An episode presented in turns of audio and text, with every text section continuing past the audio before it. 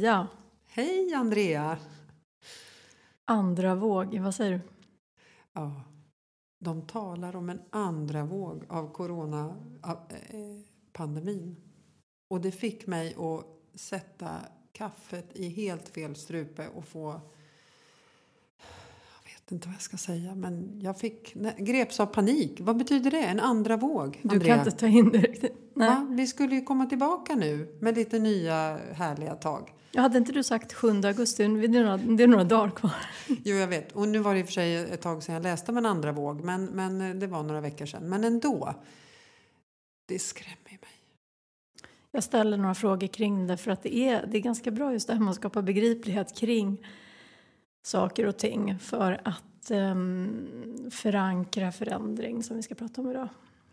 Så det kanske är bra för dig att du verbaliserar vad, vad, ja, vad är det som händer då, Maria? Mm, du frågar ju ofta det när jag pratar om saker. Mm. Då vill du veta vad jag känner och hur det känns i kroppen. Och jag vet, jag kan ju inte riktigt sätta ord på det. Jag, jag bara känner en enorm frustration över att jag, jag läser in, i en andra våg läser jag in vi börjar om. Vi är i mitten på mars. och så ska vi gå igenom det vi har gjort hela våren. Nej. Det är därför jag har skräck i ögonen. Du ser ju, jag är ju skärrad här. Förlåt, men det, det, nej, jag, det är ju fan fullständig panik. Alltså. Jag har varken tid eller möjlighet med en andra våg. Nej. Jag är jätteledsen att säga det, men... Då kan vi säga så här, det positiva med en andra våg det är ju att du inte behöver förankra speciellt mycket förändring. jag är redan inne. Ja, det är härligt med dig ändå, för du ser ju alltid något positivt i det. Ja, för då, då, då är det ju business as usual. Vi är ju mitt i det och vi har accepterat det här tillståndet. Om det här bara ska fortsätta 18 månader till så behöver vi inte förankra så mycket förändring. För nu har vi ju Nej, nu har accepterat. Vi ju kommit in i det. Mm. Men jag skulle ju gärna vilja förankra en förändring för jag skulle vilja ändra vårt arbetssätt nu. Jag är inte redo för att fortsätta i samma anda som jag har gjort de senaste sex månaderna. Nej, för du har varit väldigt mycket i vad som kommer. Mm. Ju. Ja. Då, men då kommer vi faktiskt in på en um, intressant fråga, för jag har haft det i ett ärende just nu. Det här med um, svårigheten att förankra förändring. Mm. som det är i organisationer. Och eh, som både du och jag är ganska medvetna om så är det ju att det är ganska många konsulter som hamnar eh, i kläm. Mm. I, i, för att många konsulter kommer in eh, för att eh, lösa uppgifter eller bistå och bidra. Och det kan vara systemimplementation, implementation, alla möjliga scenarier. Men det som ofta händer är att förändringen som sker är inte tillräckligt förankrad hos eh, befintlig personal. Nej. Så att många konsulter får lägga extremt mycket tid på att jobba med motstånd Mm. i organisationen. Det är den- faktiskt ganska vanligt att det är så. Mm. Och den uppgiften då som man är där för att göra Precis. blir liksom 30 procent Mm. av... Men det där är ett tydligt exempel. Jag hade en konsult som skulle ut på ett bolag eh, och sälja en produkt. Och den var glasklar från början. Både när jag fick den beskriven för mig men även när konsulten fick den beskriven. Och sen så kom hon ut på sitt uppdrag och hon skulle vara där i fyra månader. Men sen var inte den produkten riktigt klar som hon skulle sälja. Den funkade inte riktigt för att IT hade inte satt sin sista hand på knappen. Så att det gick inte att sälja och då har du ju en utmaning som konsult. Du kommer, in i, du kommer in och ditt primära uppdrag är att du ska sälja den här produkten men produkten finns inte, den är inte färdig. Och då har ju inte cheferna förankrat det internt. De har ju inte säkerställt att allting är klart innan man tar in konsulten och då är det tyvärr konsulten som hamnar i kläm. Mm. Ja, men jag hör det här ganska... Det är ganska vanligt. Och, och lite så blir effekten också att man ska stå ut med lite mer som konsult ibland. Ja, och det är väl det lite du har betalt för också. Det är så det är. Det är faktiskt, jag, jag brukar skilja på, på kandidat och kandidat. Att det här kan vara en jättebra kandidat till ett uppdrag men hen passar inte som konsult. Ja, men, För att nej. du be- behöver vara så otroligt... Där kan du prata förändringsbenägen och snabbfotad och... Ja, du har inte jättemycket att säga till om. Utan du ska ju bara infinna dig. Du är där för att lösa en, ett problem under en kort period. Ja, sen har ju ofta konsulter en rådgivande roll också. Mm. Men, men även om man har det så menar jag så här, det här med att förankra förändring Mm. och det jobbet som kanske inte görs i den utsträckningen det skulle behöva göras i organisationen. Mm. Det blir ofta ett problem. Man tycker inte att man har råd att lägga tiden. Men det blir ofta mer kostsamt i slutändan ändå. För att det blir Så- ineffektivt. Och Ja. för att, ja, Det blir ineffektivt och det blir ofta väldigt kostsamt som du säger. För du Mm. behöver ju hyra in flera timmar. mm, Så man behöver ju när du är beställare eller när du är chef då, du måste ju verkligen ha förankrat att alla är med på tåget. det här var ju intressant när eh, Sofie Ja, pratade med dig förra gången.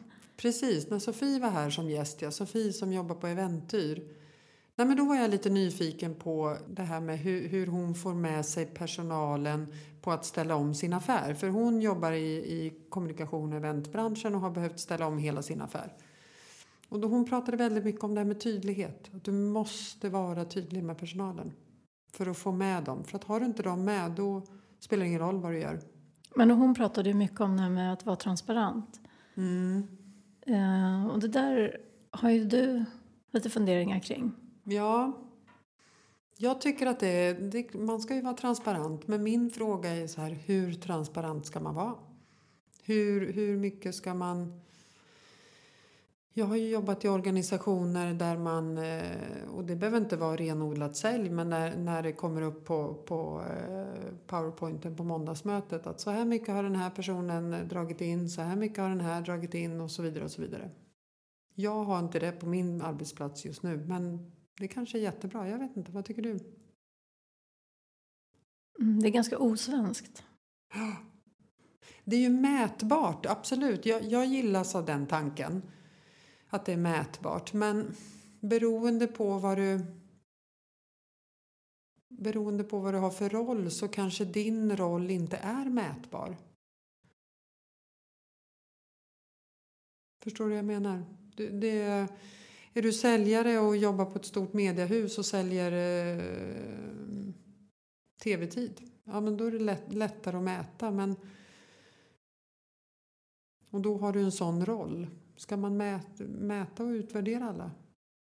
På sådana värden, sådana värdeord liksom.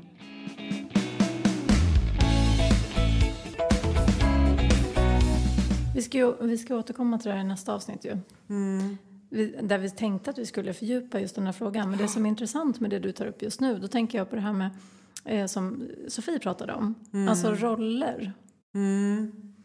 just kopplat till det. Mm. Att, eh, att hon har erbjudandet har ändrats ganska ordentligt under den här våren. Mm. Vad Eventyr säljer. Mm. Och då sa hon något intressant. Hon sa så här, det är inte första krisen du går igenom utan när det hände tidigare så sa hon att från en dag till en annan så fick hela styrkan bli säljare. Mm. För de hade noll i pipen. Mm, de precis. hade noll i pipen. Där allt handlar då helt plötsligt om sälj. Mm. Och det är väl det som är intressant om man pratar om det med förankra förändring. Att, att eh, det handlar ju mycket om, om den rollen man kanske sitter och eh, har haft. Mm. Och sen så är det, Och den förändras. Och det har vi varit inne på lite tidigare också. Men just hur, hur rollerna efter den här coronakrisen kommer att förändras. För här kommer det nog handla om att många på hela bolaget får ställa om och kavla upp ärmarna och sälja och dra i sina kontakter.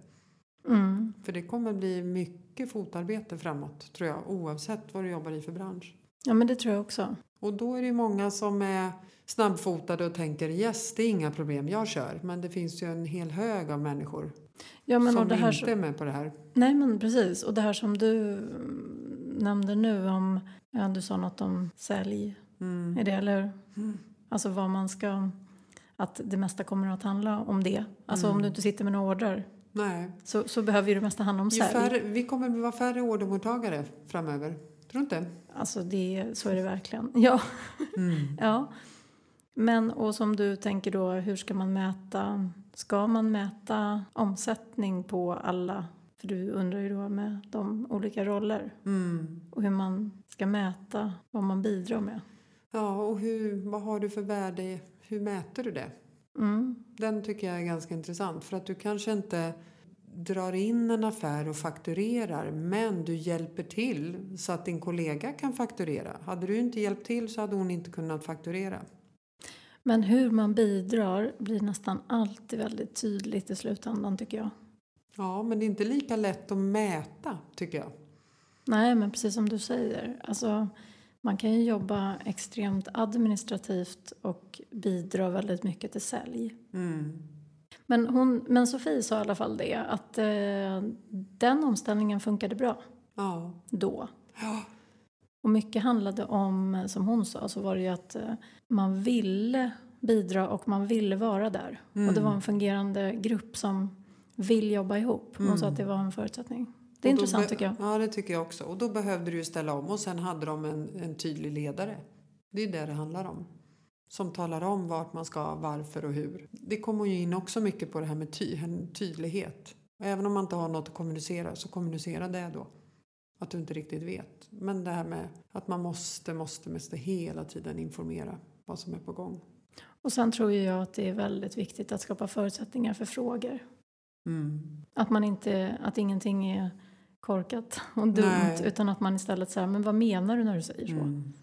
Men hur många arbetsplatser har man in, ändå inte varit på där det är, chefen står på måndagsmötet och säger någonting och alla himlar lite med ögonen och sen så säger chefen några frågor och så är det knäpptyst. Den har, ju man, man ju, den har man ju varit med om några gånger. För man Mm. vågar inte. Och sen går det ut och tisslas och tasslas i kafferummet istället. Hur skapar man den där kulturen? För man vill ju att folk ska säga vad de tycker. Man vill inte höra det bakom ryggen eller i kafferummet. Eller... Så hur skapar man den? Har du erfarenhet? Ja, men jag tror att det är viktigt att ehm, om man vill ha medarbetare som gör och tänker själva och så, så behöver man ju också vara väldigt öppen för oliktänkande och att saker blir fel ibland. Mm.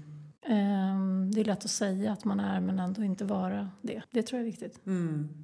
Och så tror jag just det där med, med eh, tydlighet, det är också att eh, vara tydlig med att man inte sitter med alla svaren själv. Nej. Visa sin o- sårbarhet själv och osäkerhet. Att jag kan inte svara på det här. Det är ju en typisk coronafråga. När tror du att allt sätter igång igen? Jag vet inte. Jag har ju inte svaret. Det är ingen som har svaret. Även om jag trodde att jag hade det i början när vi började spela in podd. Att jag hade svaret att den 7 augusti så är det klart. Mm. Men jag hade fel.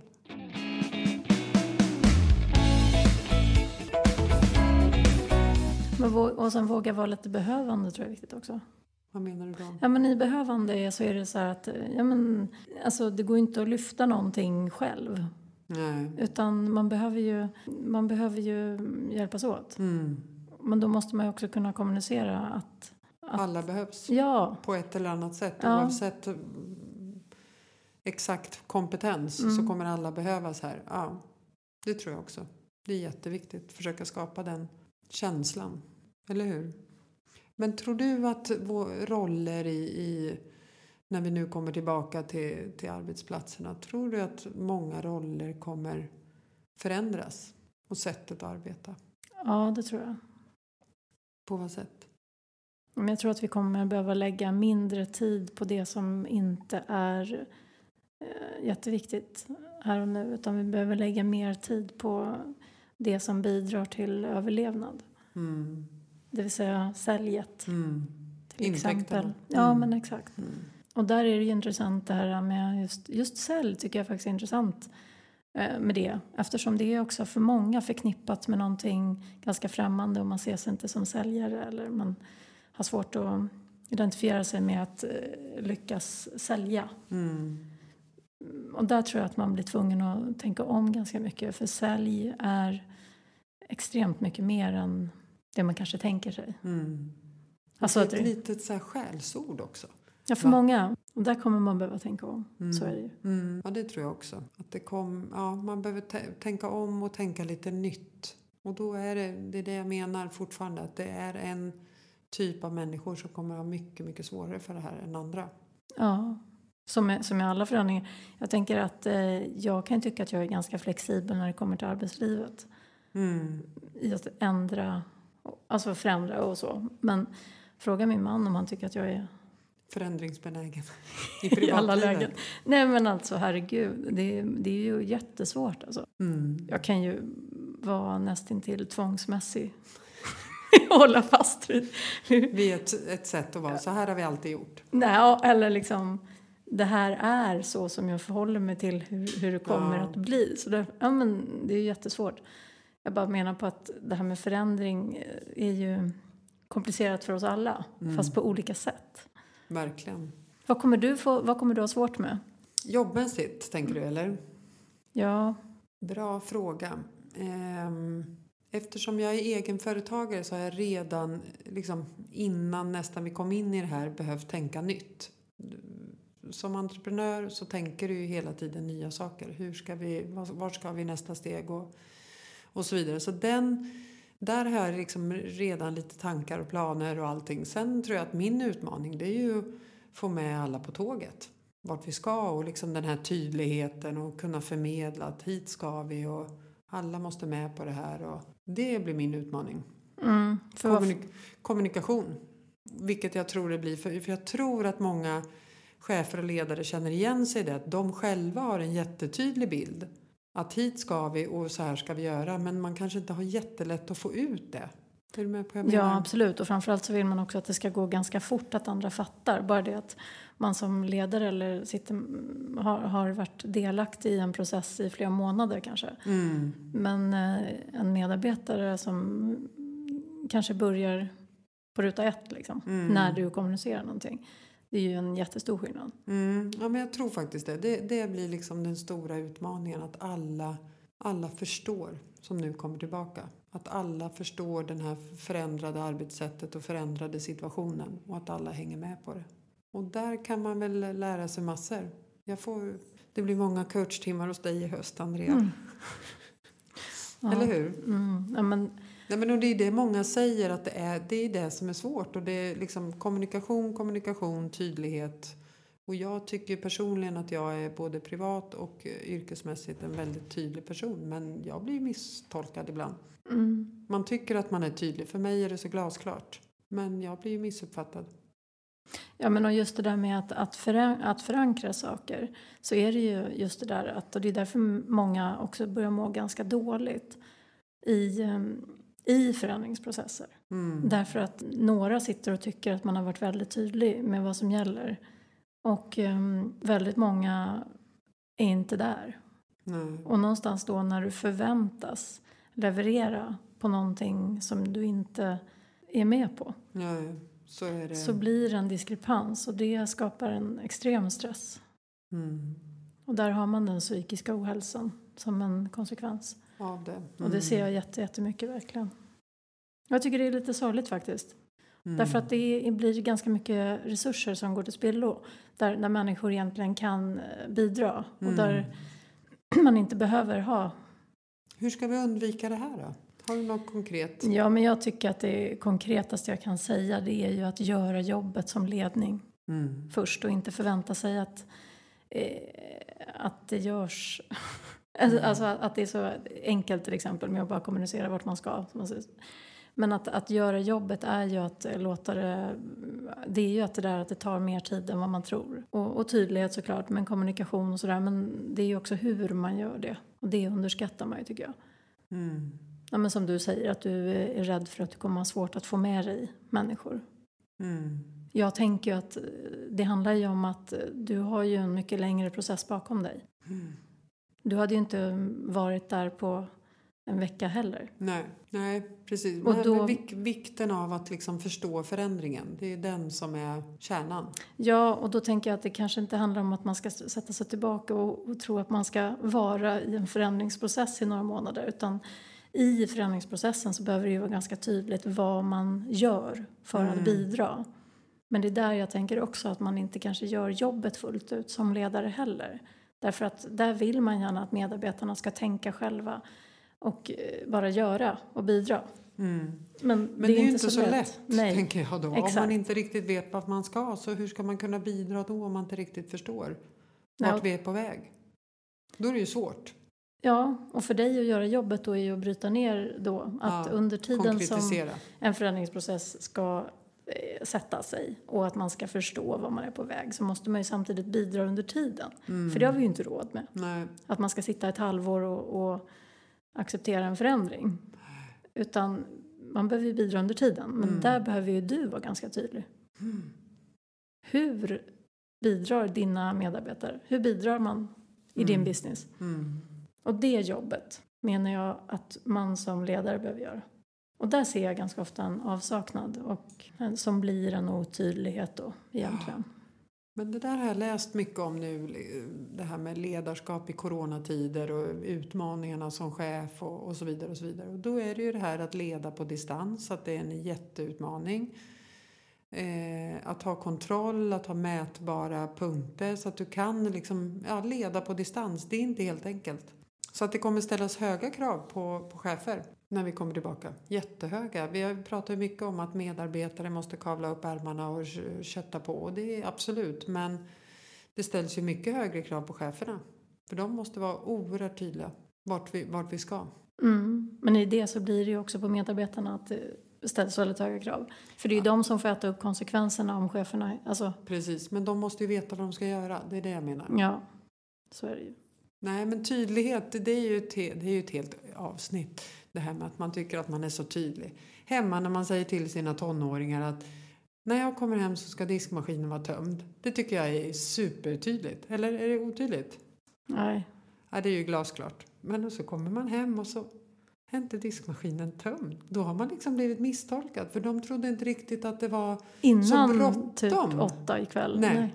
Jaha, skulle det vara... Jaha, det, förstod jag inte. Så att, ja, jag har väl mycket att jobba på med min tydlighet. Mm, Ja, men jag, jag tänker på det här med perception, alltså vad vi hör och ser. Mm, mm, Att vi tolkar ju så extremt olika också. mm. Det som sägs.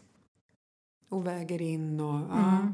ja det gör vi. Där, där, det, är- det är där som jag menar att om du skulle fråga Peter om han tycker att jag är förändringsbenägen så tänker jag så här att eh, mycket handlar ju också om hur, vad man tolkar in i det som sägs. Om man har två helt olika verkligheter i det som sägs Mm. så kan jag tycka att jag är jätteförändringsbenägen utifrån min perception. Ja, men utifrån hans så är Så har det inte hänt någonting. Nej, så står det still.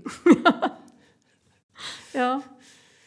Men du, då kommer vi återigen till det här med kommunikation, den här tydliga kommunikationen. Mm. Den är så himla viktig, både i arbetslivet och privatlivet. Måste ju lära dig att kommunicera för att det det inte ska bli sådana här ja, misstolkningar. det är det svåraste jag vet. Kommunicera? Ja. Varför då? Jag är väldigt duktig på att ställa frågor. Men jag är inte så duktig på att vara tydlig själv faktiskt. Vad du förväntar dig eller? Mm. Tycker det är svårt. Ja. Men du, det här med sälj. Ska vi liksom runda av det här och sen fortsätta prata om sälj? För det är ganska intressant, tycker både du och jag. Det här med, vi pratade liksom om den här transparensen och ska man... Mm. Det är intressant. Vi tar det nästa gång. Ja, det är ju nästan ett helt avsnitt. Ja, och då har ju Sverige också rullat igång 100 Ja, procent när vi ses nästa gång. Ja, det är underbart. Ja, Ja, det är underbart. Ha en fin vecka, Andrea. tack. Hej. Hej.